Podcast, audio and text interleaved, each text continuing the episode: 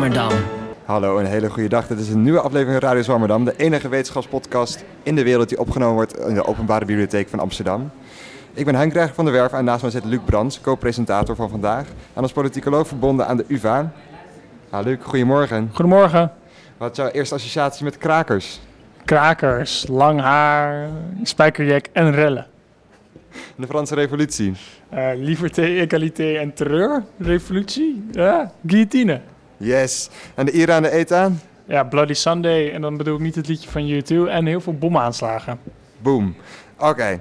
Nou, deze antwoorden van Luc zijn natuurlijk hartstikke gescript. Maar het is wel Helemaal zo dat niet. de, bovenste, de, de, de net genoemde politieke bewegingen meer bekend zijn vanuit hun, vanuit hun gewelddadige daden dan door hun politieke doelstellingen.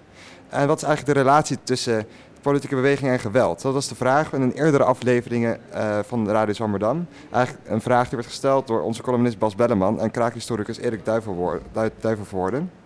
En dat is ook de insteek van de uitzending van vandaag. We gaan eerst even luisteren naar een fragment van de vorige uitzending. Je hoort nog het staartje van de column van Bas Belleman. En dan komt het gesprek op geweld en politiek. Lutjebert draait geen revolte af, geen opstand, geen burgeroorlog, maar een revolutie. Een revolutie betekent ommekeer, vernieuwing, verbetering. Daarom willen mensen zich bij een revolutie aansluiten, omdat ze dan de eerste zijn aan de goede kant. Een revolutie keert zich tegen de machthebbers en dat zijn er niet zoveel. De menigte is vaak stil en kalm, maar hier begint de revolutie klein en mooi en ritselend, zodat die kan uitgroeien tot een steeds grotere beweging die kan zingen na het vallen en ruisen. De stralende toekomst tegemoet zingen. Het is utopisch. Schietende schimmen zijn een schimmige verwijzing naar geweld en het vallen misschien ook wel. Maar dat is maar een deel van de revolutie. En bij een revolutie hoort ook de, de ontkenning van geweld. Ja, misschien is geweld wel nodig, maar de ware revolutie is die van de geest. Daar moet iets in veranderen. Desnoods met geweld, maar dat duurt maar even, als het breken van een golf. Dankjewel, Bas. Uh, ik weet niet, misschien willen jullie er nog iets over zeggen? Over zeggen? Nou, ik was wel benieuwd, weet je waar ik dat ik me afvroeg? Want ik wist natuurlijk dat ik dit ging zeggen. Ja. Jij zei net, ja, het gaat niet om geweld. Ja, dat... Dat, maar dat, is, dat is wel typisch aan een revolutie om te zeggen, ja, nee, dat geweld, dat, is, dat hoort eigenlijk niet bij ons. Ja. maar is dat eigenlijk wel zo? Het is toch eigenlijk ook nou, een essentieel onderdeel ervan? Of misschien zelfs de aantrekkingskracht? Nou, dat, dat, dat, wordt het wel voor heel veel mensen natuurlijk. Dat geeft het wel een speciale aantrekkingskracht. Maar uiteindelijk moet je wel ervoor zorgen dat dat alleen maar een middel is natuurlijk. En nooit het doel op zich wordt. En op een gegeven moment, uh, want je, dan, dan wordt het wel eens uit het oog verloren. Dus dan, dan wordt het heel moeilijk om het nog in de hand te houden. Dat is, je kunt het per definitie niet in de hand houden. Daardoor heet het geweld. Nou, ja. Toch moet je het heel gedoseerd inzetten. En bij de kraakbeweging is dat uiteindelijk ook niet gelukt. Want het werd een soort... Uh, soort automatisme. Ja.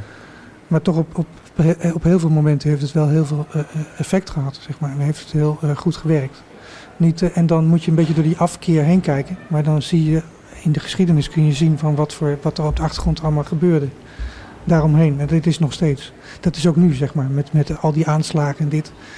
Uh, hoe meer afkeer we allemaal uitspreken op de, op, de, op de dingen die je direct ziet, zeg maar, onbemiddeld ziet. Op de achtergrond komt er van alles los en mensen gaan hun gedrag aanpassen, beleid wordt aangepast. En heeft het altijd enorm veel, enorm veel zin om een beetje flink actie te voeren. Zeg je nou dat aanslagen zin hebben, bedoel je dat? Nou ja, ik, ik zeg niet dat ze zin hebben, maar ik zeg wel dat er heel veel verandert. En niet alleen maar op het niveau van repressie, maar ook op de achtergrond, zeg maar. Dus dat is, dat is wel helaas, zeg maar, wat je moet constateren. Het is nooit zo dat een samenleving alleen maar repressief re reageert. Er gebeurt altijd op de, op de achtergrond gebeuren er ook heel veel zaken. Maar je ziet ook dat het, het verheerlijken van geweld een deel is van dat soort bewegingen, toch? Is dat, was dat ja, een ja, kraakbeweging niet zo? Ja, net als bij de, bij de overheid. De repressie wordt verheerlijkt, wordt ook bij, in zo'n beweging zeg maar, het geweld en het verzet verheerlijkt. Maar in onze samenleving gebeurt er meer dan dat. Zeg maar. Er zijn ook, er zijn ook uh, dingen die buiten zeg maar, directe uh, oppervlakte, onder de oppervlakte spelen. En dan zie je helaas, moet je soms zeggen dat het, of helaas, maar dat het, dat, dat geweld, zeg maar, dat dat een, vaak een enorme invloed heeft. Als je het tenminste gedoseerd en af en toe inzet. Niet als je het blijft herhalen, want dan wordt iedereen immuun daarvoor. Maar als het één keer goed gebeurt, is weinig wat dat kan overtreffen. Nou, als het één keer goed gebeurt, is er weinig wat geweld kan overtreffen. Alles Erik Duivenvoornen, de kraakhistoricus. Uh, graag hadden Bas Belleman nog één weerwoord kunnen willen geven, want ik had hem uh, vorige keer afgebroken na deze zin. Helaas is hij vandaag niet aanwezig. We bellen wel zometeen met hem, zodat hij zijn column alsnog kan voordragen. Wel aan tafel zit Jacco Peekelder. Hij is terrorisme-deskundige en historisch verbonden aan de Universiteit van Utrecht en het Duitsland Instituut. Hij doet al sinds 2001 onderzoek naar een van de meest gewelddadige actiegroepen uit de recente West-Europese geschiedenis, de Rote Armee Fraktion, ook wel de Bader-Meinhof groep genoemd. De vraag wat precies de relatie tussen geweld en politieke actie is, gaan we vandaag waarschijnlijk niet beantwoorden. Want elke revolutie en elke actiegroep is weer anders. Maar door de relatie tussen de RAF en geweld te bespreken komen we vast een heel eind. Ook praten we over zijn initiatief Dare to be Grey. Een zoektocht naar het grijze gebied tussen de extreme meningen die onze huidige maatschappij op dit moment zouden polariseren. Welkom Jappo. Uh, Jacco, dat is nog een stap van uh, een links-extremistische beweging die een uh, grote gelijk denken te hebben Klopt, naar ja. het grijze midden. Ja, wat het misschien bindt is dat polarisatie een hele sterke voedingsbodem is voor terrorisme en voor extremisme natuurlijk ook. Los van geweld, maar extremistisch denken. En uh, om dat te doorbreken, dat kan heel veel waard zijn in een samenleving. Zeker in de samenleving van nu, waar we in Nederland um, middenin zitten. Over, over, het initiatief Dare, Dare, to be Grey gaan we het zo verder hebben. We gaan eerst nog in op, op het geweld van de RAF. En daarbij wilde ik een fragment laten horen.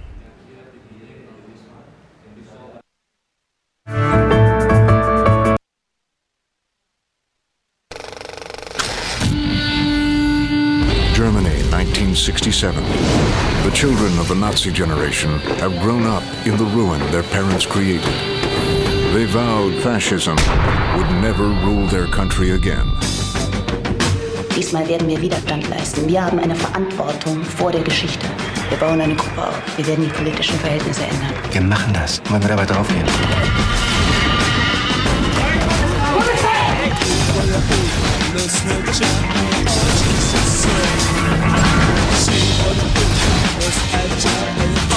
Die Männer schlafen hier in dem Gebäude, die Frauen da. We are staying together.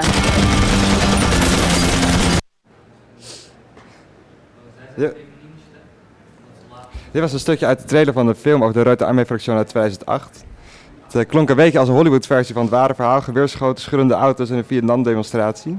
Klinkt spannend, want we zitten wel in de juiste sfeer. Maar voor over de RAF weten we nog niet zo heel veel. Gelukkig uh, zit Jacob Peekelder hier aan tafel en gaan we het over hebben. Ik wil eigenlijk beginnen met een soort RAF voor dummies. Om uh, mensen die dat niet weten, Ja. die niet uit het korte fragment konden opmaken waar Ja. de RAF precies voor Ja, stond, om dat te vragen. We hoorden een uh, Vietnam-demonstratie op de achtergrond Klopt. in de trailer. Maar dat is vast niet de enige reden van bestaan voor de RAF. Wat is de, Nee. waar, waar stond de RAF voor? Wat wilden ze bereiken? Ja, de RAF betekent Rote Armee Fraktion, hè, dus een klein deel, fractie van een groot rood leger, socialistisch links-revolutionair leger, dat volgens de RAF zelf eh, over de hele wereld actief was. Het was eh, een beweging of een club of een organisatie die voortkwam uit die hele grote brede protestbeweging, ook in Duitsland. Ehm, voor eh, ehm, ehm, ja, een linksere, betere wereld, eerlijke wereld afrekening ook van het fascisme en dergelijke. En die beweging liep eind jaren 60 een beetje op zijn einde. En om eh, met veel zeg maar, eh, fanatisme door te gaan, koos een klein deeltje van die beweging voor geweld als uitweg. Als eh, manier ook om eh, toch een permanente betekenis te, eh, te blijven houden en echt te, te, te doen, echt de machtsverhouding in Duitsland te veranderen door directe strijd met de staat aan te gaan. En toch als een soort, wat was een, hun echte uiteindelijke doel? Want ze streden natuurlijk ergens voor. Ja. Hoe zagen zij de wereld voor zich als zij Nou, dat is, een acties ja, geslaagd dat is een waren? hele goede vraag, maar die hebben zij nooit beantwoord. Ze hebben eigenlijk geen echt duidelijk omschreven doel. Ehm, dat was ook niet hun missie. Zij zeiden, we willen eigenlijk ervoor zorgen dat die revolutionaire motor, die beweging die in gang gezet is, die dynamiek, dat die in stand blijft. Ondanks het feit dat we nu net wat minder leden krijgen ehm, dan eh, op de hoogtepunt van onze protesten. eh, door, een stapje bij, eh, door een schepje bovenop te doen. En dat hadden ze geleerd van Che Guevara. Die zei dat je ook als heel kleine minderheid een vonk kon geven voor de massarevolutie. Dat was overigens Che Guevara naast zijn succes in Cuba nooit meer gelukt. maar toch was het een idee dat dat een soort recept was dat je kon navolgen. En ze, ze, ze kozen dus voor geweld als middel om hun doelen te bereiken. Maar wat Ja. voor acties moet je dan denken? Ehm, ten eerste vond het heel belangrijk dat je gewoon als gewapende groep actief was en eh, ook een beetje kon overleven, zodat je duidelijk eh, eh, kon maken dat de staat niet almachtig was. Dat was een soort bemoediging van de rest van de revolutionaire beweging.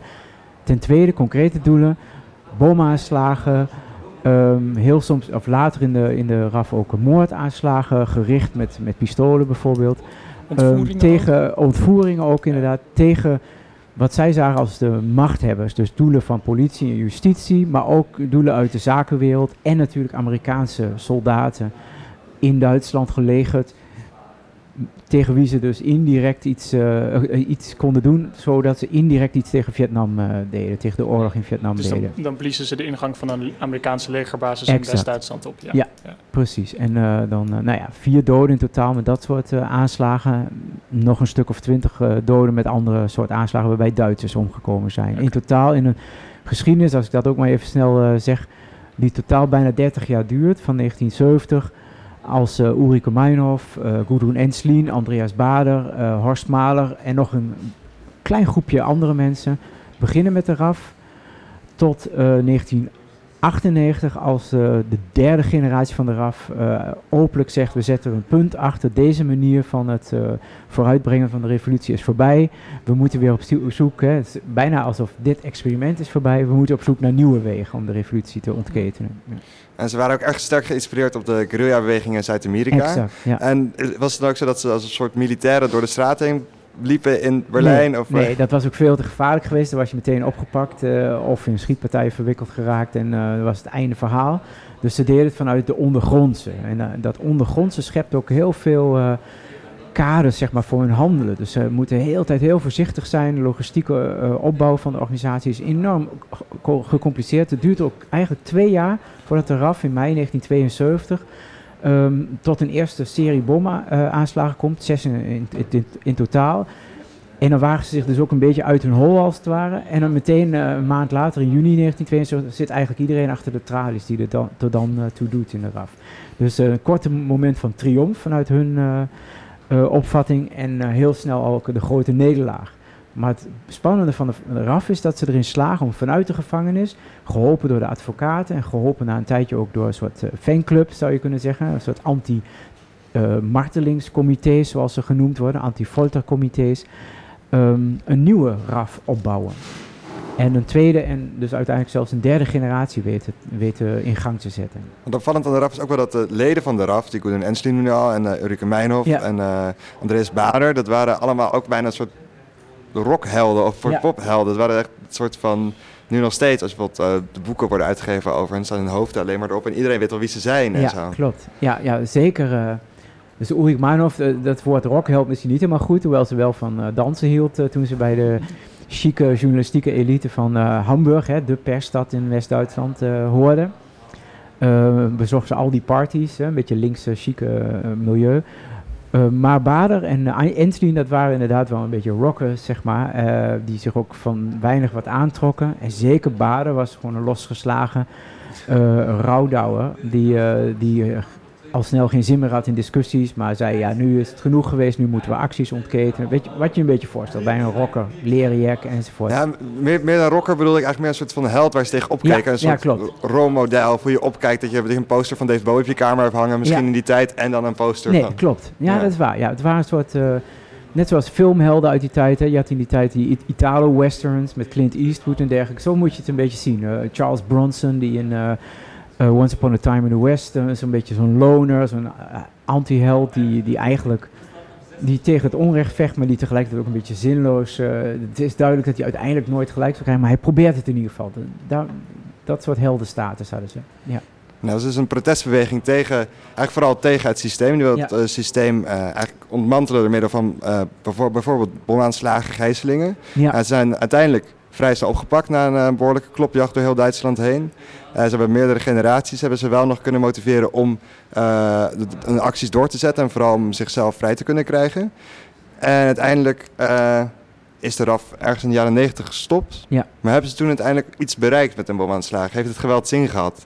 Nee, ik vind het eigenlijk niet. Eh, ze hebben eigenlijk de, de beweging van eh, de jaren 60, die een hele sterke emancipatorenbeweging was, hè, vrouwenrechten, homorechten, ehm, ook heel sterk probeerde de, democra- de democratie als daar binnen de universiteit eh, te dragen, ehm, eh, de staat, burgers, laat ik zeggen, burgers meer zeggenschap te geven over hun eigen directe omgeving, maar ook over de grote vragen in de samenleving. Natuurlijk was er wel een formele democratie in, Duitsland, die fungeerde ook redelijk goed en steeds beter. Maar natuurlijk, net zoals in Nederland in de jaren 60, als het erop aankwam, hadden burgers toch nog relatief weinig te vertellen. Die beweging die uh, denderde, hoewel die iets minder zichtbaar uh, werd, even begin jaren 70, maar denderde eigenlijk gewoon door.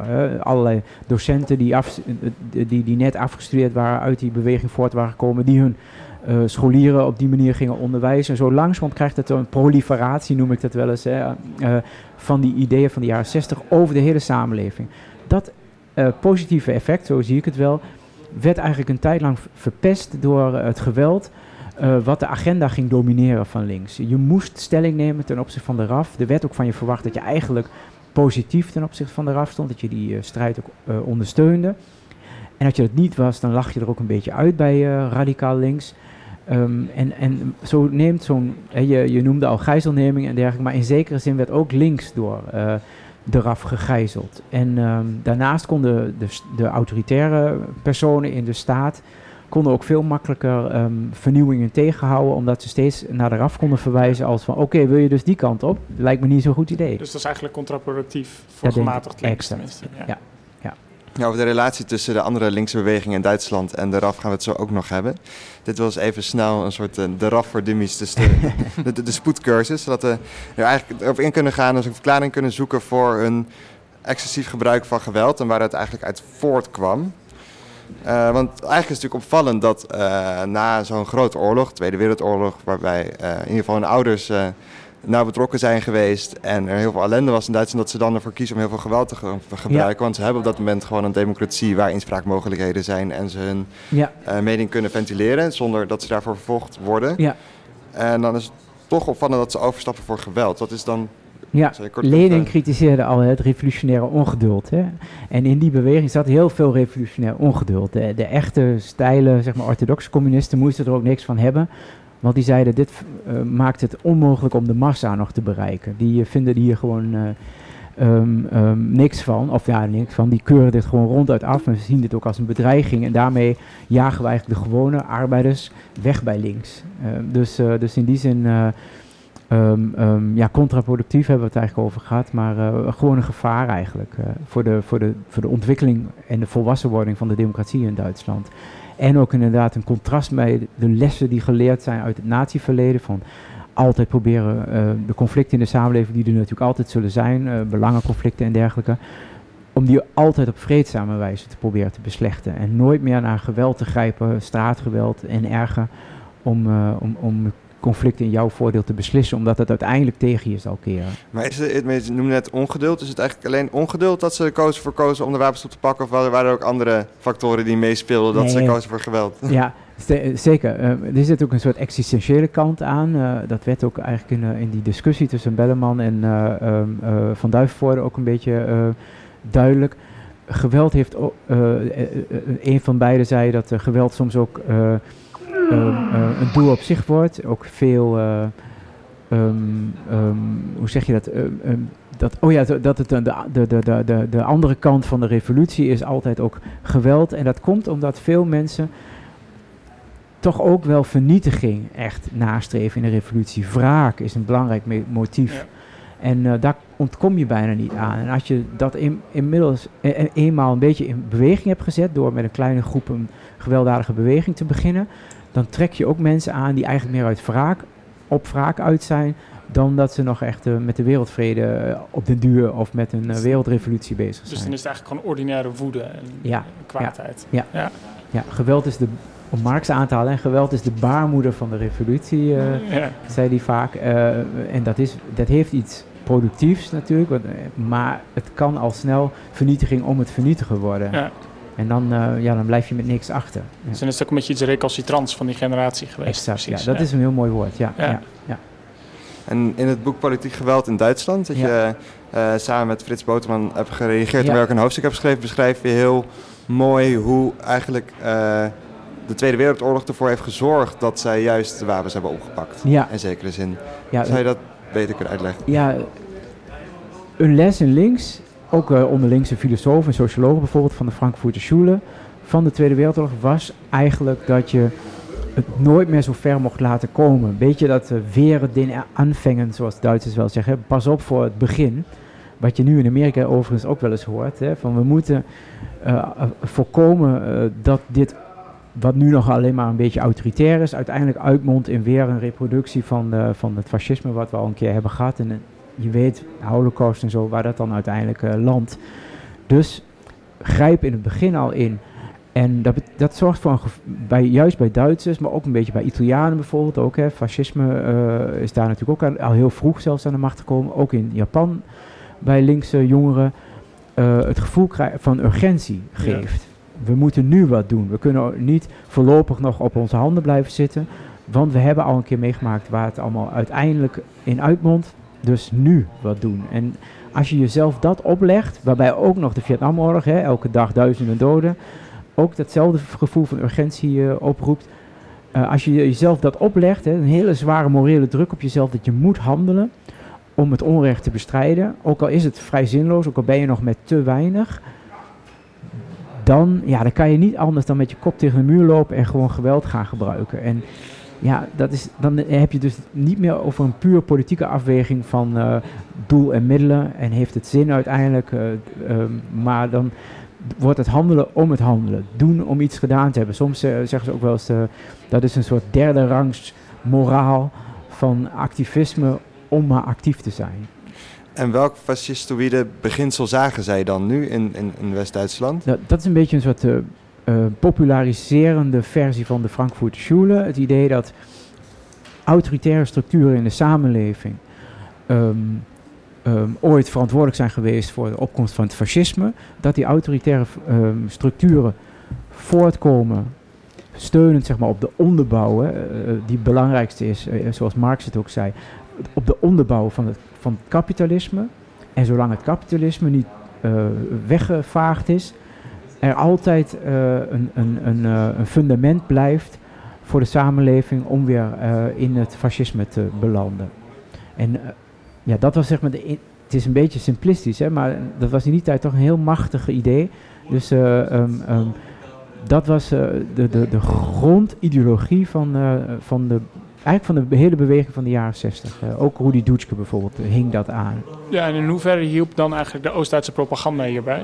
Zeg maar, werden deze jongeren daar ook door geïnspireerd? Ja, en ik vooral uh, de Oost-Duitse in die tijd was Oost-Duitsland heel sterk bezig met het aankaarten van het actief zijn van allerlei oud-naties in het bestuur van West-Duitsland. Op rechtersposities, maar ook als ministers en kamerleden in de DDR zelf liepen ook best veel van deze mensen rond, even als detail. Maar dat, ze leverden dus steeds kleine stukjes bewijs voor de stelling dat inderdaad die structuren en de lijntjes, ook gewoon domweg de, de persoonlijke netwerken uit de nazi-tijd nog altijd actief waren. En wat dat betreft ook nog die urgentie nog iets sterker maakt van morgen kan de boel weer omklappen naar een fascistische samenleving. Ja. In het boek wordt ook een heel mooie term uh, gemunt, denk ik. Ik weet niet of het Ja. gemunt is door uh, Gert Keunen, volgens mij. Ja, ja. En dat is gekrenkt narcisme. Ja, Zou je daar iets meer over kunnen zeggen? Ja, dat is een beetje de, de brede ehm, eh, collectieve psychologische achtergrond wordt daarmee aangeduid van die generatie van Duitsers die eh, eh, weten dat... De generatie van 68. Ja, de generatie van 68. Die weten dat de generatie van hun ouders, als het niet hun ouders persoonlijk zijn, dan in ieder geval als het ware die generatie, op zijn minst meelopers zijn geweest in de nazi-tijd. En heel vaak ook eh mededaders zijn geweest in de nazi-tijd. En daardoor eh, niet meer beschikbaar zijn, dat is, dan komt de psychologie om de hoek kijken, als positieve identificatiefiguren ehm, tijdens je socialisatie tot volwassen burger. En eh, de theorie daarachter is dat, een beetje Freudiaans denk ik, dat eh, mensen die positieve identificatie nodig hebben om een eigenliefde te voelen en zich daardoor en door die eigenliefde dat mensen zich pas eigenlijk zeker voelen in het leven. Als dat dus voortdurend en dat, en dat wordt dan een beetje eh, groot met het begrip narcisme aangeduid. Je hebt na- een, een zekere narcisme nodig, omdat je anders eh, je- niet volwassen kan gedragen in de samenleving, zeker van jezelf kan zijn en een beetje je eigen keuzes kan maken. In Duitsland werd dat dus voortdurend ondermijnd door het idee dat de bron daarvan, hè, dat je het gevoel krijgt, krijgt dat je uit een eh, leuk nest komt, dat je ouders je, van, van je gehouden hebben, dat dat Dat ook is fout. eerlijke liefde was. Exact, dat is fout. Dus als in Nederland kon iedereen eigenlijk zeggen, ook al weet iedereen dat het niet waar was, maar iedereen Ja. zat bij het verzet. Dus wij konden een soort trots zijn op onze ouders. Van, kijk, allemaal, al onze ouders hebben het verzet gezeten, Ja, wij hebben en het goed nou- gedaan, dus aan de hond goede kant. Snuf de hond enzovoort, Ja. die, die, die al de, de, de, de, de verzet hielp tegen de Duitsers en zo. Ja, Ja. klopt. Ja. En in Duitsland Ja. kon je alleen maar terugkijken Ja. op, ja. Ja. op Hitler eigenlijk. Exact, En, ja. dan- ja. En al die bruin, de bruine, bruine zoemp, hè, de bruine moeras, zeg maar. Ja. Ja. waar iedereen in verstrikt was geweest. Ja, ja. En dus dat, dat leidde ertoe dat ze niet van zichzelf konden houden, Ja. om het eh, op Freudiaans te zeggen, waardoor een stuk minder zekerheid was eigenlijk. ja, en om dat te overschreeuwen, eh, Ja. ehm, gingen ze dan enorm bewijzen, misschien wel op de eerste plaats aan zichzelf, om toch die eigenliefde weer te herstellen, dat zij dus zeker, zeg maar, eigenlijk om het flauw, eh, een beetje een grapje met de Nederlandse vergel- situatie te vergelijken, maar dat ze dus echt vanaf eh, ehm, ehm, eh, 6 mei 1945 in het verzet hadden gezeten. Dus eh, zij probeerden Ja. te bewijzen dat zij het nooit zo zouden hebben gedaan. Wij zouden goede. Duitsers zijn geweest. Exact. En is dat ook een beetje de verklaring waarom ze eh, relatief makkelijk de geweld kunnen gebruiken tegen, te- tegen hun landgenoten en tegen de mensen die naast Ja, hen in staan? zekere zin is het is wel nog een vrij abstracte natuurlijk eh, legitimatie, maar het is al een begin van een flink sterke legitimatie om geweld te gebruiken tegen mensen uit toch relatief je directe omgeving. Ja. En eh, in de, de omringende landen van West-Duitsland, zoals Frankrijk, daar is natuurlijk ook wel sterk eh, repressief regime geweest in de Tweede Wereldoorlog. Ik bedoel, Vichy, er was ook Ja. vrij veel collaboratie, maar daar zien we dit niet echt optreden. Nee. Eh, Ik denk dat, eh, die is dit een Duits ding? Nou, het is in ieder geval een ding wat je veel ziet in die, eh, in die drie asmogendheden, zoals Ja. het heet. Hè? Dus eh, Duitsland, Japan en Italië. Verder zie je het niet heel veel, maar je merkt wel in linkse bewegingen, ook in Nederland, dat ook de Nederlandse linkse beweging noemde de politie wel eens SS'ers bijvoorbeeld. Maar dan die hele diepe psychologische laag zit er niet bij eigenlijk. Eh, dat, dan, dan moet je blijkbaar toch bij de dadernaties zijn. Ja. Maar dat, die figuur van die brave Duitse burgers, de, de oudere generatie, die maar op zijn handen blijft zitten of zelfs mee gaat doen aan, aan onrechtssystemen. En eh, als, als negatief voorbeeld van zo willen wij zeker niet worden, dat speelt ook eh, in Amerika bijvoorbeeld. De, de good German wordt het dan vaak genoemd, dat wil je niet zijn. De good German, de brave burger die meeloopt. Ja. Ook in Nederland, eh, ook in Engeland, dat, dat zijn wel relatief sterke stereotypes eh, eh, en waarschuwende eh, figuren. Van dat, zo moeten we niet worden, daar mogen we nooit meer toe vervallen. Ja. Oké. Oké, dus het is echt een kwestie van de asmogendheden, Ja. waar dat Ja, dan die veel sterker is. dan zaak, zeker. Ja. Ja. Ja. En wat ook opvallend is dat zij zich, eh, vond ik, dat eh, las ik in je boek, Ja. eh, dat, dat Koning Essen die, die identificeerde zich ook een beetje, die identificeerde zich eigenlijk met, met de Joden ook. Ja, klopt. Ja. Ze, Dat- ze, er was natuurlijk veel straatgeweld. Hè, en de politie die ging er hard in. eh, in. In 1967, op 2 juni, was er ook een keer een dode gevallen bij een demonstratie. En eh, er ontstond zo'n beetje een idee dat, eh, en- ze maakte zich dat zelf een beetje wijs, zeg maar, maar langzamerhand gingen ze er ook een beetje in geloven dat zij de nieuwe Joden waren. Soms werd het ook hardop gezegd. Ehm, ehm, bij demonstraties, als er hard werd ingegrepen, schreeuwden ze ook wel, sla maar, we zijn de nieuwe Joden. En eh, eh, ook in Frankrijk overigens werd dat soms eh, geroepen, geroepen, of in solidariteit met mensen, dat we, dat, dat, we zijn allemaal Joden tegenwoordig. Dus dat, dat idee ontstond een beetje, dat zij de, de nieuwe slachtoffers waren, als het ware. En dat, dat, het is een beetje absurd eigenlijk. Ja. Ik bedoel, dat is heel Ja. erg onvergelijkbaar. Ja, ja, ja dat, dat is zeker zo. Maar en men, ik denk ook dat men een, het een beetje ook als retorisch trucje gebruikte. Maar het creëerde langzaam ook een soort eigen werkelijkheid. Je, je, moet wel begrijpen, zeker in de ondergrondse, maar ook eh, eh, groepen die al steeds met een beetje illegale dingen bezig zijn.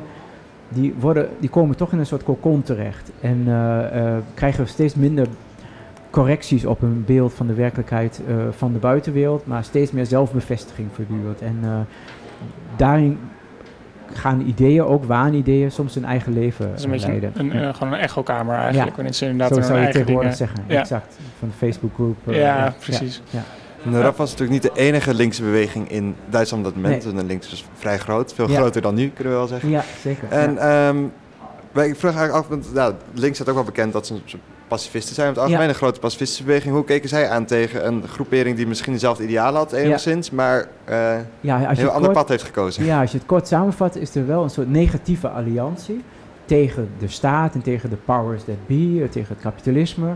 Het idee dat de revolutie op den duur eh, toch zou moeten komen en dat je echt een, een flinke omwenteling hebt, nodig hebt voor alles om, om, om echt een begin te maken met het bouwen van een betere wereld. En die negatieve alliantie zorgt ervoor dat ze het ook heel moeilijk vinden om absoluut te breken met eh, die gewelddadige kameraden. Dus ze hebben het echt moeilijk om gewoon te zeggen van ja, maar sorry, dit hoort niet meer bij links. Er zijn wel een paar die dat doen, maar die worden eigenlijk door de andere eh, eh, mensen binnen de radicaal linkse beweging, die als het ware in de traditie staat van die beweging van 1968, de protestbeweging uit de jaren 60, eh, die worden verketterd eigenlijk binnen die beweging in eerste instantie. Nooit. Zo zeg maar in 1972, nog in 73, 74. En ehm, het interessante zijn dan dat er toch ook al wel mensen opstaan die zeggen: eh, we moeten een soort kritische solidariteit betuigen. We moeten dat geweld afwijzen. eh, vooral op momenten dat het eigenlijk niet meer met een socialistische moraal overeenkomt. Dat is voor de rest van de samenleving niet zo hoopvol, want die denken: ja, als je nou met mensenrechten aankomt, prima, maar een socialistische moraal, dat betekent Ja. dus dat rechtse mensen of gemiddeld eh, linkse mensen of zo er blijkbaar niet meer bij horen. De- Ja. Die moraal geldt alleen maar exclusief voor een bepaald mensensoort blijkbaar. Ja, dat is niet zo heel hoopvol.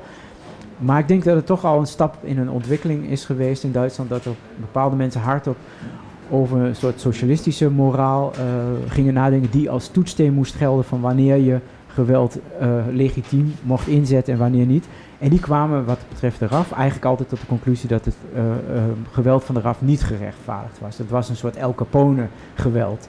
Ook omdat het in zijn karakter zo wild was. Zeg maar, ze Ja. weer op En ook- straat om zich heen schieten. Ja, bijvoorbeeld. En, en ook eh, omdat het eigenlijk niet kon duidelijk maken waarom in godsnaam, wat is het doel, zeg maar welk doel wordt er geheiligd door met twee bomaanslagen in totaal vier Amerikaanse soldaten en, en, en nog tientallen andere aanwezigen op, een Amerika op twee Amerikaanse complexen in Heidelberg en Frankfurt. ehm, ja, eh, ofwel een, een, aan, hun leven aan het einde te brengen, ofwel zelfs eh, of, of een hele leven lang met, eh, met verwondingen enzovoort Ja. eh, op te zadelen. Wat helpt dat? Eh, laat staan eh, dat je politieagenten aanvalt of, eh, Maar- of, of een rechtbank opblaast. Ja. Maar zo klinkt eigenlijk nog onwaarschijnlijker dat die mensen eh, in het begin, in de begin eraf wel steunden en heel lang hebben gesteund.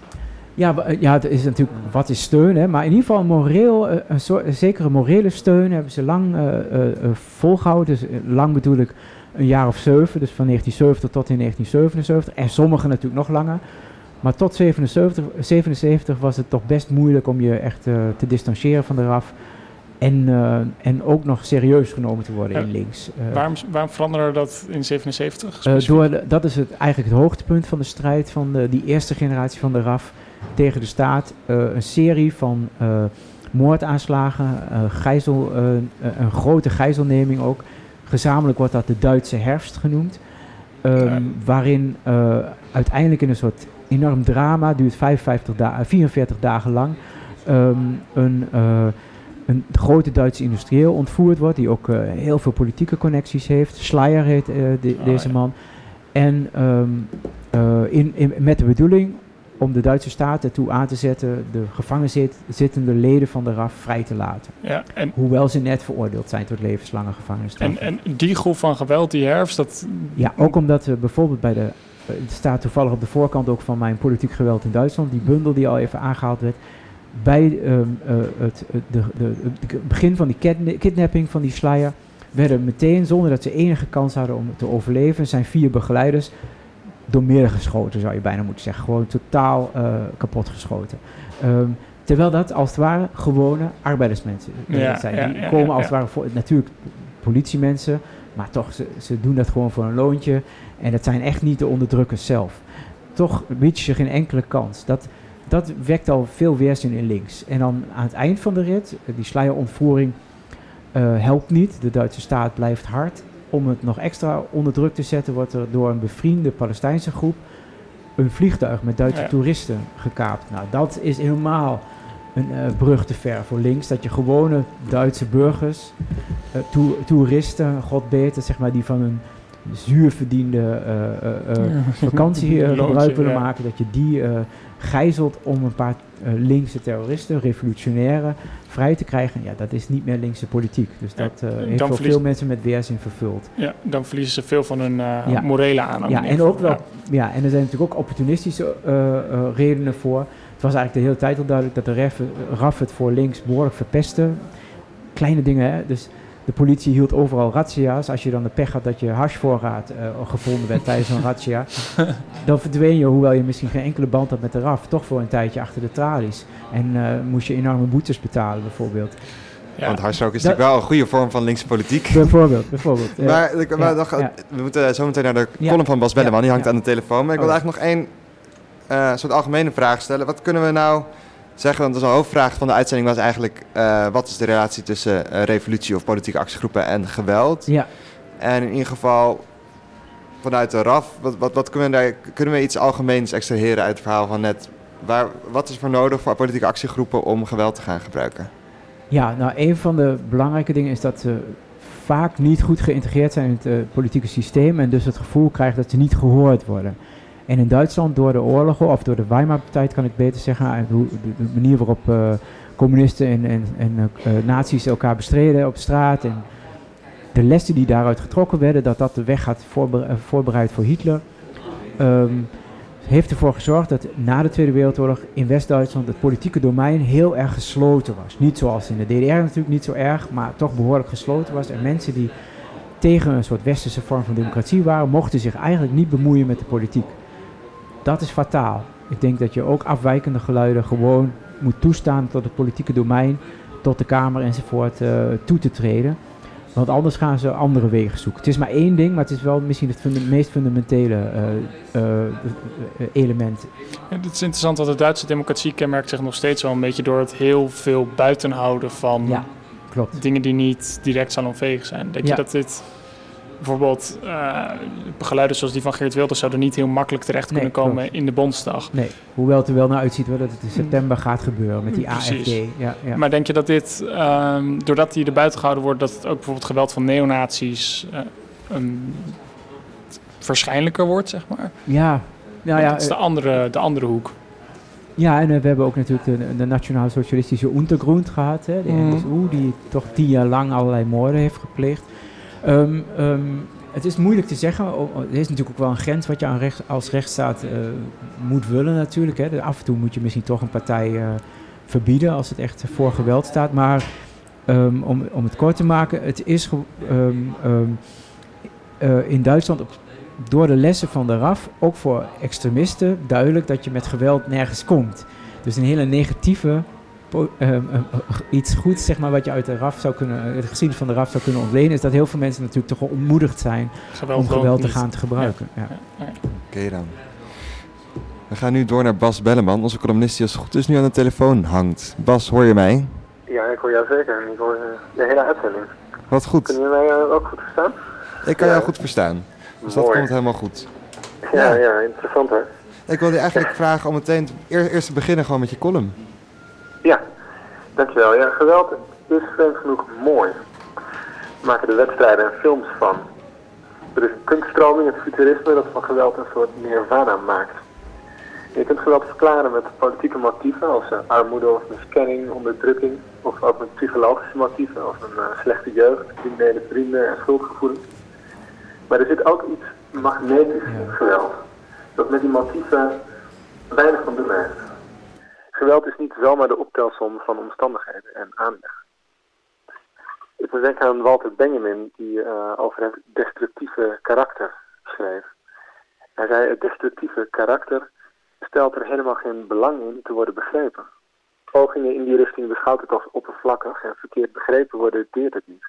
Integendeel, het lokt het uit, zoals orakels het hebben uitgelokt. En er zit wel iets in je ziet de terroristen en misdadigers al uh, glimlachen om alle pogingen tot begrip en verklaring. Iemand als Anders Breivik die geniet er zichtbaar van dat hij ondanks zijn uh, kruisvaardersretoriek een uh, mysterie blijft. net hoorde ik ook zeggen dat de Rota Armee-fractie eigenlijk ook niet echt een idee had waarom ze het geweld gebruikten. Wat, wat nou precies de utopie was na het geweld. Daar moeten we maar naar raden. Ik denken aan de West Side Story, waar je die uh, street gang hebt die na een tijdje aan officer Krupke uh, gaan uitleggen wat er allemaal aan de hand is. Waarom ze zo misdadig zijn geworden. Het is een jeugd, ze hebben hulp nodig, ze hebben een psycholoog nodig. Dan komt het allemaal wel goed, zeggen ze dan spottend. There is good, there is good, there is untapped good. Like inside, the worst of us is good. Het allerergste dat in ons zit, is echt helemaal niet erg. Het is gewoon het goede dat een beetje van het pad is geraakt. Daar lachen ze om. En ik lach daar ook om. En ik krijg dan ook de neiging om die krapje uit te lachen. Er zit een ongelooflijk gevoel van vrijheid in geweld. Alles is mogelijk als geweld een keuze is. Het destructieve karakter uh, ziet niets duurzaams, zei Walter Benjamin. Er is geen muur of hij kan kapot, er is geen berg of hij kan opzij. En daarom zijn er altijd wel wegen. Het destructieve karakter staat altijd op een kruispunt. De rebel without a cause is daarom al cooler dan een rebel met een cause. Want als je een rebel hebt met een duidelijk doel voor ogen, ja, dan, dan, dan, dan is het al klaar. En als het opgelost is, ben je weer weg. Dan ga je over tot de orde van de dag en ga je gewoon weer een bureaubaan accepteren. En dat is natuurlijk weer niet cool. Een reden voor het geweld is hooguit een aanknopingspunt. Waar de regisseur de oplossing van het raadsel in vindt. Oh, het is de bedrogen echtgenoot, de berooide erfgenaam of de getroubleerde tiener. Maar het geweld zelf blijft vreemd. Ook politiek geweld. Die politieke motieven lijken soms wel een excuus aan de drang, of een excuus voor de drang om aan het geweld toe te geven. Misschien zoekt het geweld minder politieke vrijheid dan spirituele vrijheid. De extase. Dat was een vriend. Dankjewel. Er stijgt spontaan een applaus op in de OBA na het einde van jouw column. Dankjewel Bas. Goed getimed. Ja. Dat komt wel goed uit. Ja. wil je dat zeggen over de column van Bas? Ja, moeilijk, want er zit heel veel in. Uh, in ieder geval, dat, uh, ik verstond zoiets als geweld als orakel. In ieder geval dat inderdaad dat onbegrepen geweld misschien aantrekkelijker is dan uh, geweld dat heel evident is uit, uit te leggen valt. Uh, daar ja, zit ik, zeker iets in, denk ik. Uh, ja, ja ik, ik, ik, ik, er zijn natuurlijk sociologische motieven waarom mensen aan geweld toegeven. Maar die drang naar geweld, die is er toch bijna altijd. Of je nou in een soort half utopie leeft, uh, zoals hier in Nederland, of, of in een, in een corrupt regime leeft. Dus sommige mensen beginnen wel aan geweld, en anderen niet. Ja. Dat is toch heel wonderlijk. Ja, ja zo'n decivilisering zou je bijna kunnen zeggen, die, die altijd maar één seconde ongeveer in ons bestaan verwijderd is van ons. Uh, ja, precies. Ja, ja, ja. Um, en ik vond het ook wel mooi, want het komt eigenlijk ook wel een beetje... De Rebel Without a Cause is ja. interessanter dan de Rebel With a Cause. Is natuurlijk ook eigenlijk met, met de RAF in zekere zin ook wel we net over gehad. Dat, dat ze heel, niet een heel duidelijk politiek programma hadden met punten wat ze nee. afgewerkt wilden hebben. Ja. En dat misschien ook een deel van de charme was. Dat zo'n Andrees Baan een soort losgeslagen wilde man met een motorjack was. Die ja, ja. met geweren rond durfde te lopen. Ja, de Ja. rockhelden inderdaad. Ja, voor deel, ook sowieso in de politiek werkt het vaak heel goed als je ook een beetje als projectiescherm kan fungeren. En juist expres een beetje onhelder eh, bent, zodat Mm. mensen ja, hun eigen dromen en eh, utopievoorstellingen misschien ook op jou kunnen projecteren. Ja. Wat, wat de RAF ook interessant maakte was dat ze een, een club waren, leken van eh, gelijke vrouwen en mannen, die in een soort broeder en zuster bondjes, hè, heel kleine, eh, hele schijnbaar heel slagvaardige waren ze eigenlijk helemaal niet, maar goed, eh, clubjes met elkaar werkten aan eh, ja, een een of ander vaag avontuur. Eh, eh, Bonnie en Clyde-achtige dingen Ja. kom je ook meteen, schiet je te binnen. Voelen jullie daar zelf ook eigenlijk een beetje toe aangetrokken? Je, je bestudeert het allemaal. Ja, Is, is, het, is het nou iets wat- waar je zelf stiekem ook toch af en toe over fantaseert? Nee, nee, eigenlijk helemaal niet. Nee, ik ben, ik ben best wel eh, pacifistisch inderdaad. En ik ben ook een beetje opgegroeid met eh, als Nederlands eh, hervormde jongen. Inmiddels ben ik ervan afgevallen, maar met Martin Luther King en dergelijke. Ik, ik herinner me nog, ik zal niet ver in mijn biografie duiken hoor, maar boekjes van Martin Luther King bij mijn opa en oma in de kast die ik dan als tienjarige verslond. Dus dat heeft heel erg mijn beeld van politieke actie eh, gevormd. Die burgerlijke ongehoorzaamheid eh, heeft mij altijd veel meer gefascineerd dan eh, geweld. Maar ik heb ook wel gemerkt, we hadden het hier in het voorgesprek ook even kort over universiteitsbezettingen. En, ik heb er ook even aan ge- mogen ruiken toen ik net begon te studeren in 1986 in Utrecht. En toen ging het ook meteen over, uh, nemen we naar uh, een grote landelijke demonstratie, waar uiteindelijk maar 400 mensen kwamen opdagen. Uh, nemen we dan motorhelmen mee en lange latten mee om de politie te, van langs te geven. Ik was daar ontzettend tegen. Ik heb daar zelfs een speech tegen gehouden in zo'n klein vergaderingetje in Utrecht van de Landelijke Studentenvakbond. Uh, om, om dat tegen te gaan eigenlijk. Om, om, om, en met een argument op Martin Luther King ook. Met een, met een, me baserend op, uh, op die Amerikaanse ervaringen omdat ik dit uh, de weg naar de afgrond eigenlijk beschouwde. En, en, uh, en, ik ben ook altijd wel, ik ben ook eigenlijk sociaaldemocraat, dus ik wil de massa eigenlijk bereiken. En ik had ook meteen al door dat je die rechtenstudenten, geneeskundestudenten en ook die natuurkundestudenten nooit mee zou krijgen als je ja, vaaglijk met geweld zou flirten. Dan kan je het, ik kon het sowieso al vergeten, merkte ik ook wel snel, maar dan helemaal. Uh, ja. Maar ik, dat kan ik me voorstellen. Ik ben, ik ben alleen, het, natuurlijk ben ik ook niet voorgesteld, maar ik, het is wel spannend ook. Ja, nee, ik ben bijvoorbeeld ook ooit een vechtsport gaan doen, omdat ik het toch ook spannend ja. vond. Oh ja, zo. Nou, ik heb, op, ik heb op schermen gezeten en dat is natuurlijk wel heel erg gecontroleerd. En het is ook in, in zekere zin, hè, daarom heet het in het Nederlands ook zo mooi schermen en in het Engels fencing. In Duits heeft het een verkeerde naam, heet het vechten.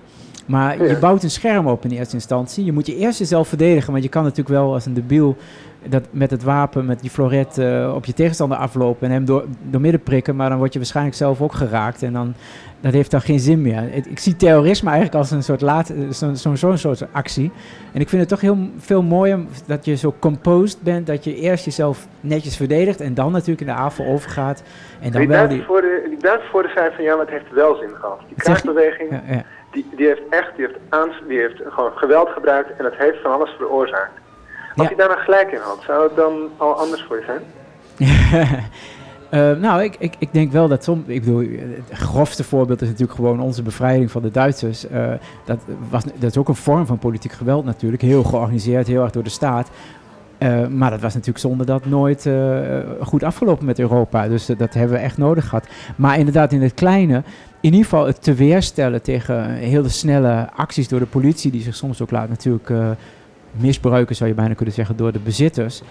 Um, ja, daar kan ik me wel iets bij voorstellen. Al vind ik wel dat je moet uitkijken om, uh, om iemand met een steen naar zijn hoofd te gooien. Zeker als hij geen helm op heeft. Uh, dus uh, ik, daar ben ik niet zo voor. er zijn natuurlijk ook verschillende vormen van politiek geweld. Het, het, ja, het, een, een, een, pand kraak is natuurlijk al enigszins een politieke ja. daad. Wat je als politiek geweld zou kunnen zien, want je bezet materieel. Ja, ja. Ja. En een steen gooien naar, naar een politieagent is weer aan de andere kant. Dus aan beide kanten hebben zin gehad. Maar Bas Bellen moet ook weer door met de uitzending. Je mag Oh, blijven hangen als je dat wil. Want ik ben, Ja, ik ben heel blij met je toegeven. Volgens Ja. mij ruist het helemaal niet met jou aan de telefoon. Het kan zijn dat je er, omdat we aan het begin van de uitzending enigszins problemen hebben gehad met de live-opname, dat je, dat je er zodra we niet meer live op de radio zijn, dat je dan eruit wordt gegooid. Maar dan gaan wij door met het opnemen van de podcast. dus dan Ja, zeg ik nu alvast gedag. En blijf hangen. En als je iets toe wil voegen en je bent er nog, dan eh, hoor ik Heel het goed. graag. Top. Want ja, we hadden het net al even kort over eh, nou, de, de Andres Breivik, zeg maar de, politiek geweld anno nu. Nou, Ja. Fortuyn is natuurlijk eh, eh, niet zo heel lang geleden vermoord door een linksextremist. Nou, we hebben nu eh, heel veel eh eh, salafistisch extremisme. Ja. Eh, er zijn allemaal aanslagen geweest, Parijs, Brussel, Berlijn, Londen. Ehm, dus ja, dus nu nog steeds is er heel veel politiek geweld. En ik wil eigenlijk nu vooral met jou praten even over het potentieel van politiek geweld anno nu. Mhm, mhm. En ik denk de grootste angst die nu bestaat, bestaat er voor religieus geweld. Ja.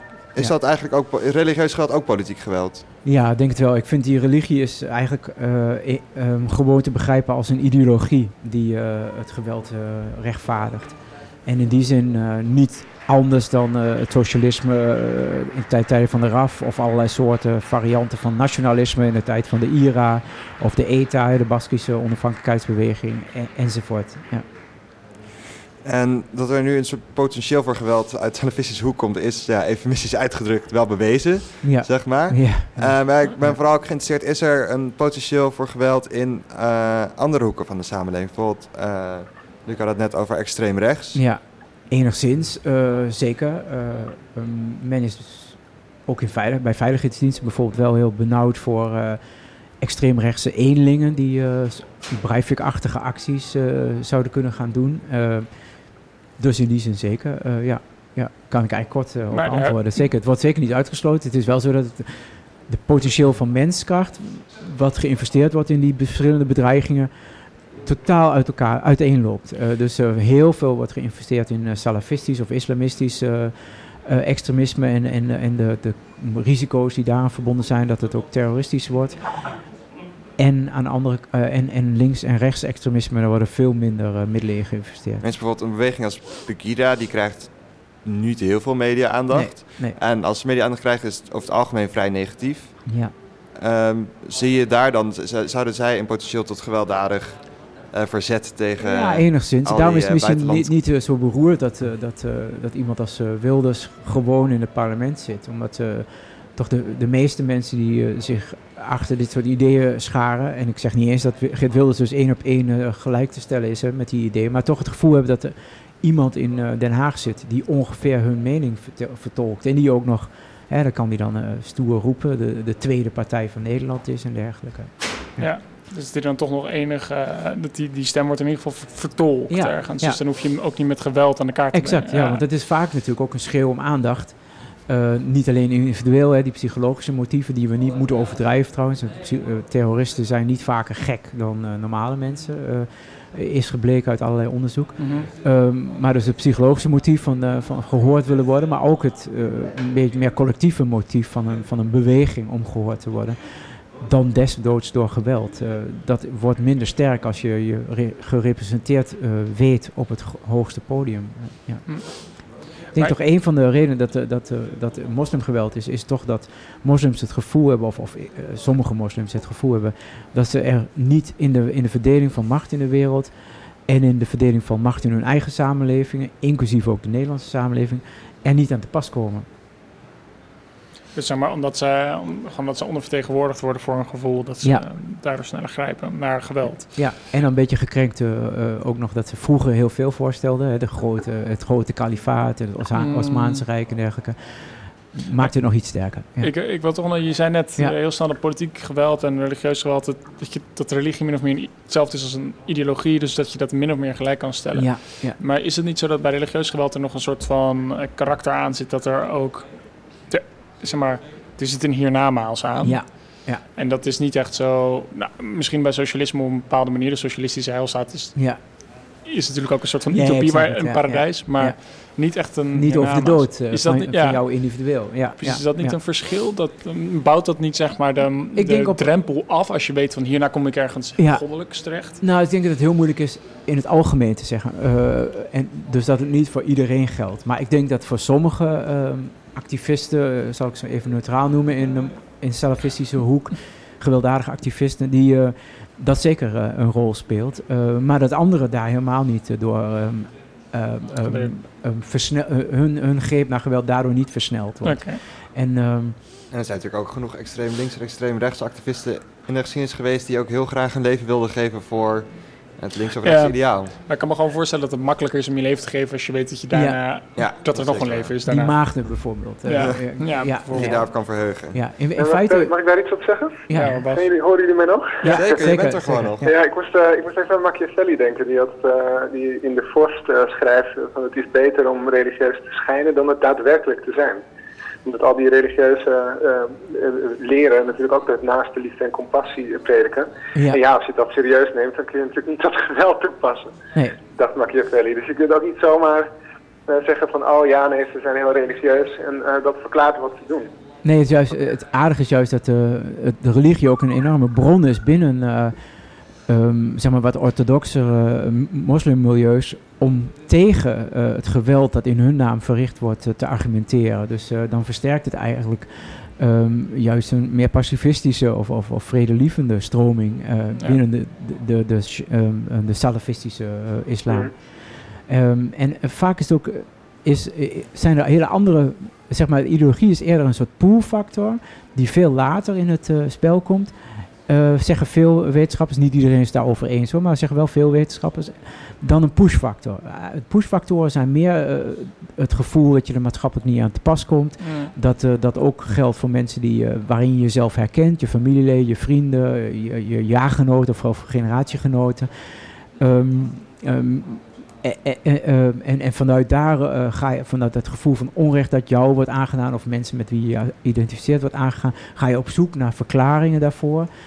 En eh, dan komt eh, uiteindelijk, Ja. eh, met veel tussenstappen, eigenlijk pas de religie om de hoek, die eigenlijk alles een beetje op zijn plek laat vallen. Oh, maar dat komt omdat we moslims zijn. Ja. Oh, dat komt omdat we hier in een, in een soort eh, eh, um, eh, dia- diaspora leven, in een, in een westerse wereld die vreemd is voor ons, enzovoort, enzovoort. Ja, dus dan is die religie, of maar de, de religieuze aanhang eerder het gevolg van die frustraties in plaats Ja. van dat het aanstichter is van Ja. die frustraties. Ja, die Olivier Roy, hè, hij is een Franse wetenschapper die veel weet ook van de, van, de, van, de, van de populariteit van de islam in de banlieues.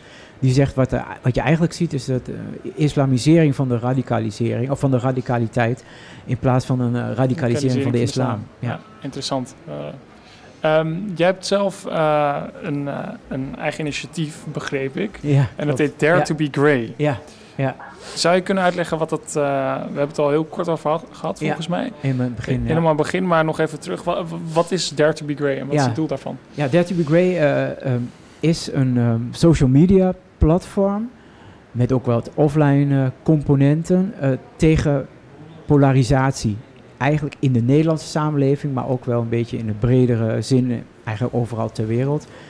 Omdat polarisering een grote voedingsbodem voor dat gevoel waar ik zo net al even aansprak van vervreemding van veel groepen in de samenleving is. Dat groepsdenken waar polarisering voor staat zorgt ervoor dat veel mensen zich niet thuis voelen. Zowel trouwens de linkerzijde als de rechterzijde, als natuurlijk eh, in moslim, eh, uit moslimmilieus. zich niet eh, hier thuis voelen en ehm, dan afdrijven naar het extremisme. Het is ook een manier, die campagne is een manier om ehm, duidelijk te maken dat wij daar zelf een rol in spelen. Als zeg maar gematigde burgers die zich een beetje zorgen maken, die natuurlijk ook wel bezorgd zijn door, eh, door het radicalisme of extremisme of geweld wat we om ons heen zien en eigenlijk denken we moeten daar iets tegenover stellen. Ehm, wij zeggen je kan daar iets tegenover stellen door het midden te versterken, door uit te durven komen voor je eigen gematigde, eh, empathische kijk op de eh, wereld, de je nieuwsgierigheid naar de anderen, je, je, je geduld zou je kunnen zeggen om eerst maar eens iets te bestuderen wat je in de samenleving ziet, of je- even je nog een keer drie keer eh, wat vragen te stellen in plaats van meteen je mening te formuleren. Want door het midden te versterken, ehm, ehm, ehm, worden die extremisten, mm, zowel aan de islamofobische zijde bijvoorbeeld, als aan de salafistische zijde, eh, verzwakt. En dat maakt onze samenleving als geheel eh, veel weerbaarder tegen de verleidingen van het eh, extremisme. Een pleidooi voor de twijfel. Want nu word je Ja, natuurlijk uit... ja, exact. wat, wat nu in het maatschappelijk debat veel voorkomt... is dat je altijd voor of tegen moet zijn. Je bent voor Precies. of tegen Zwarte Piet. De grens moet dicht of open. Ja. En, en hoe ga je nu proberen... want dat is wel hoe de, Ja. wat, wat voor de media lekker werkt natuurlijk. Je hebt, liever, Ja. je hebt liever iemand die voor en tegen is... dan dat je iemand tegenover je hebt zitten die zegt... ja, ik weet eigenlijk niet precies. Nee, klopt. hoe gaan jullie zorgen dat het grijze midden... dat dat Ja, eh, ja. meer aandacht krijgt? Ja, we- dus ik, ik doe dat hè, samen met eh, in eerste instantie zelfs 21 Utrechtse studenten. Nu zijn het er iets minder, maar het, het is begonnen als een deelname aan een, eh, een wedstrijd. En toen had ik een heel groot team om me heen die keihard eraan werkte. Ik ben nu ook zelf eigenlijk iets meer in de tweede rang gaan staan. En er zijn een paar studenten die dat echt als een soort permanente campagne nu eh, voortzetten. Mhm.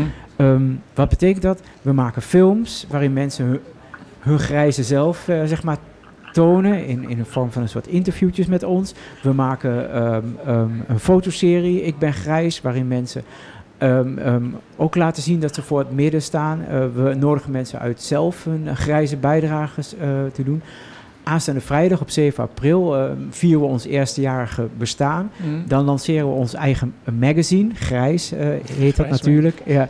Ehm, ehm, in, de, eh, in het academiegebouw, in de aula in Utrecht. Ehm, we verwachten daar 200, 300 mensen die daar eh, eh, bij komen zijn. We hebben ook een film laten maken over ons eerste jaar. Met, eh, die worden, dat wordt dan ook voor het eerst vertoond. Dat, allemaal eigenlijk om aan branding te doen. Ja. Dus het grijze is natuurlijk een, beetje een uphill battle, maar dat heeft natuurlijk een positief brand nodig. Naast die sterke brands die er al zijn aan weerszijden, die inderdaad voor de media op zichzelf, als de media een beetje lui zijn, veel aantrekkelijker zijn om ze tegenover elkaar te zeggen. Dus wij proberen met Dare to be Grey een brand, een, brand, een mer- merk te scheppen eh, voor het grijze midden. Met, met veel kleur, hè, om een beetje, als een beetje natuurlijk een woordgrap, maar met veel kleur gevuld. Ja. Want als ik mensen vertelde dat ik jou nog ging interviewen over ja. Gertie Bruggen, zei ze, oh, is dat dan een soort D66? Is ja, dat een soort politieke midden? Maar daar gaat het niet per se om volgens nee, mij, toch? Nee, je mag best extremistische meningen hebben, als je maar nieuwsgierig blijft naar de anderen. Dat is een beetje de, de, de grap van de zaak. Dus er zijn heel veel tinten grijs. Exact, ja. ja. Ja, en dan hebben we natuurlijk ook die, die videoserie, ik zei het nog niet, die heet ook inderdaad we hebben dan niet tinten grijs genoemd, maar uh, eh, 50 kleuren grijs. Ja, ja, zo, ja, ja, En uh, uh, we hebben met die, dus het wedstrijdgedeelte was vorig jaar zomer al afgesloten. We hebben ook een Facebookprijs in de wacht gesleept in Washington. Oh, als de beste uh, zeg maar campagne van, van 60 universiteitsteams wereldwijd. Um, um, omdat we een heel strak verhaal hebben, dat juist die branding heel centraal staat en alles met het brand grijs en uh, Dare to be Grey. Uh, beyond the black and white fallacy, hè, dus voorbij aan simpel zwart-wit denken, um, um, georganiseerd was. Hè. Dat, dat was het sterke kant en dat is nog steeds het sterke kant van onze campagne. En, en ik vond het trouwens wel leuk, we zijn natuurlijk geschiedenisstudenten. Ja. Um, dat we zoiets 21ste eeuw als een Facebookprijs in de wacht uh, ja, hadden gesleept. Het is uh, toch wel wat voor die geesteswetenschappers uh, Precies. Ja. Om het verhaaltje een beetje rond te maken, is, denk je ook dat... Uh, nou, op, op momenten dat er veel politiek geweld is, dat dan een, een, een groter podia voor het grijze middengebied had dat dan het kunnen voorkomen? Of is dat, is dat een oplossing om politiek geweld in ieder geval minder te laten zijn? Ja, in, in zekere zin wel, want uh, we roepen dus ook eigenlijk burgers op om zichzelf beetje meer te vermannen, eh, in de hand te nemen. En op het moment dat er aanslagen zijn, niet in een reflexmatige uh, reactie te vervallen. Van wraak of van uh, we zullen dus een lesje uh, leren. Of ja, die moslims zijn overal de schuld aan. Maar eigenlijk nog twee keer even na te denken en te zeggen: ja, wat, wat levert het op hoe ik reageer? Wat, wat ze in feite in Engeland goed doen. het is gewoon flegmatiek.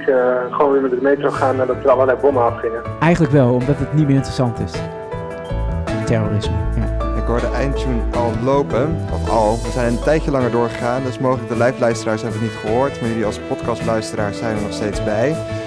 Um, ik wil eigenlijk nog even vragen, je, zo volgend jaar bestaat 30 Brigade een jaar. Je dit jaar, ja, dit jaar. Week, van volgende week bestaan jullie een jaar. Ja. Ik, kan nog even snel even kort reclame maken. Wat gaan jullie volgende week daaraan doen? Ja, dus van uh, uh, uh, 7 uur tot 9 uur een geweldig um, happening in de aula, in het academiegebouw uh, in Utrecht. Vrijdag 7 april. Top, ik wens jullie een heel succesvol grijs jaar toe. Met ook een magazine die eraan gaat komen, Grijs. Uh, deze uitzending hebben we het gehad over de relatie tussen geweld en politieke actiegroepen. Eigenlijk een beetje onderzocht aan, een uh, aan de hand van een case studie naar de RAF. En eigenlijk de grote les die we uit leerden was... Uh, je moet alle stemmen laten horen. dat is eigenlijk, je moet mensen niet wegstoppen. En iedereen, elk geluid, extreem links, extreem rechts, alles moet gehoord kunnen worden. Anders pak ze de wapens op. Uh, ik dank mijn gast Jacob Peekelder. Ook bedankt mijn co-host Luc Brands. Ja. En mijn columnist Bas Belleman, die als goed is misschien nog aan de telefoon hangt. Ja hoor. Mooi, dankjewel Bas. dankjewel. Heel graag gedaan. Is goed. En volgende week hebben we een nieuwe uitzending met uh, Vrouwtje, Waterbolk en ik. Uh, we gaan praten over mindfulness. Het zit wel anders. Misschien hadden, had de RAF ook een mindfulness cursus kunnen doen. Dan was iets anders gebeurd. En uh, ik wil Misha Melita bedanken, mijn techniek mevrouw van vandaag. techniek Dankjewel. Ja. En uh, tenslotte ook alle luisteraars natuurlijk. Dankjewel dat jullie uh, het uh, een beetje rommelige begin hebben uitgezeten. Vond je deze uitzending interessant? Abonneer dan ook ons op onze podcast. Dat kan via iTunes, Stitcher, Soundcloud of waar je nou ook je podcast, podcast luistert. En zo hoef, je, zo je geen enkele uitzending te missen. Mocht je al geabonneerd zijn en mening hebben over het programma, in het algemeen zou het waarderen als je een recensie zou achterlaten. Dat kan via iTunes. Je kan ook sterren geven. Geef ze vooral veel en dan komen we weer hoger in de iTunes ranklist. Uh, als je tips hebt of vragen, dan kun je altijd mailen naar redactie.radiozwammerdam.nl. En onze website is ook erg mooi. En we zoeken nog steeds nieuwe redactieleden. Oh ja, we zoeken nog nieuwe redactieleden. Ja. Vind je het leuk om hierbij te komen?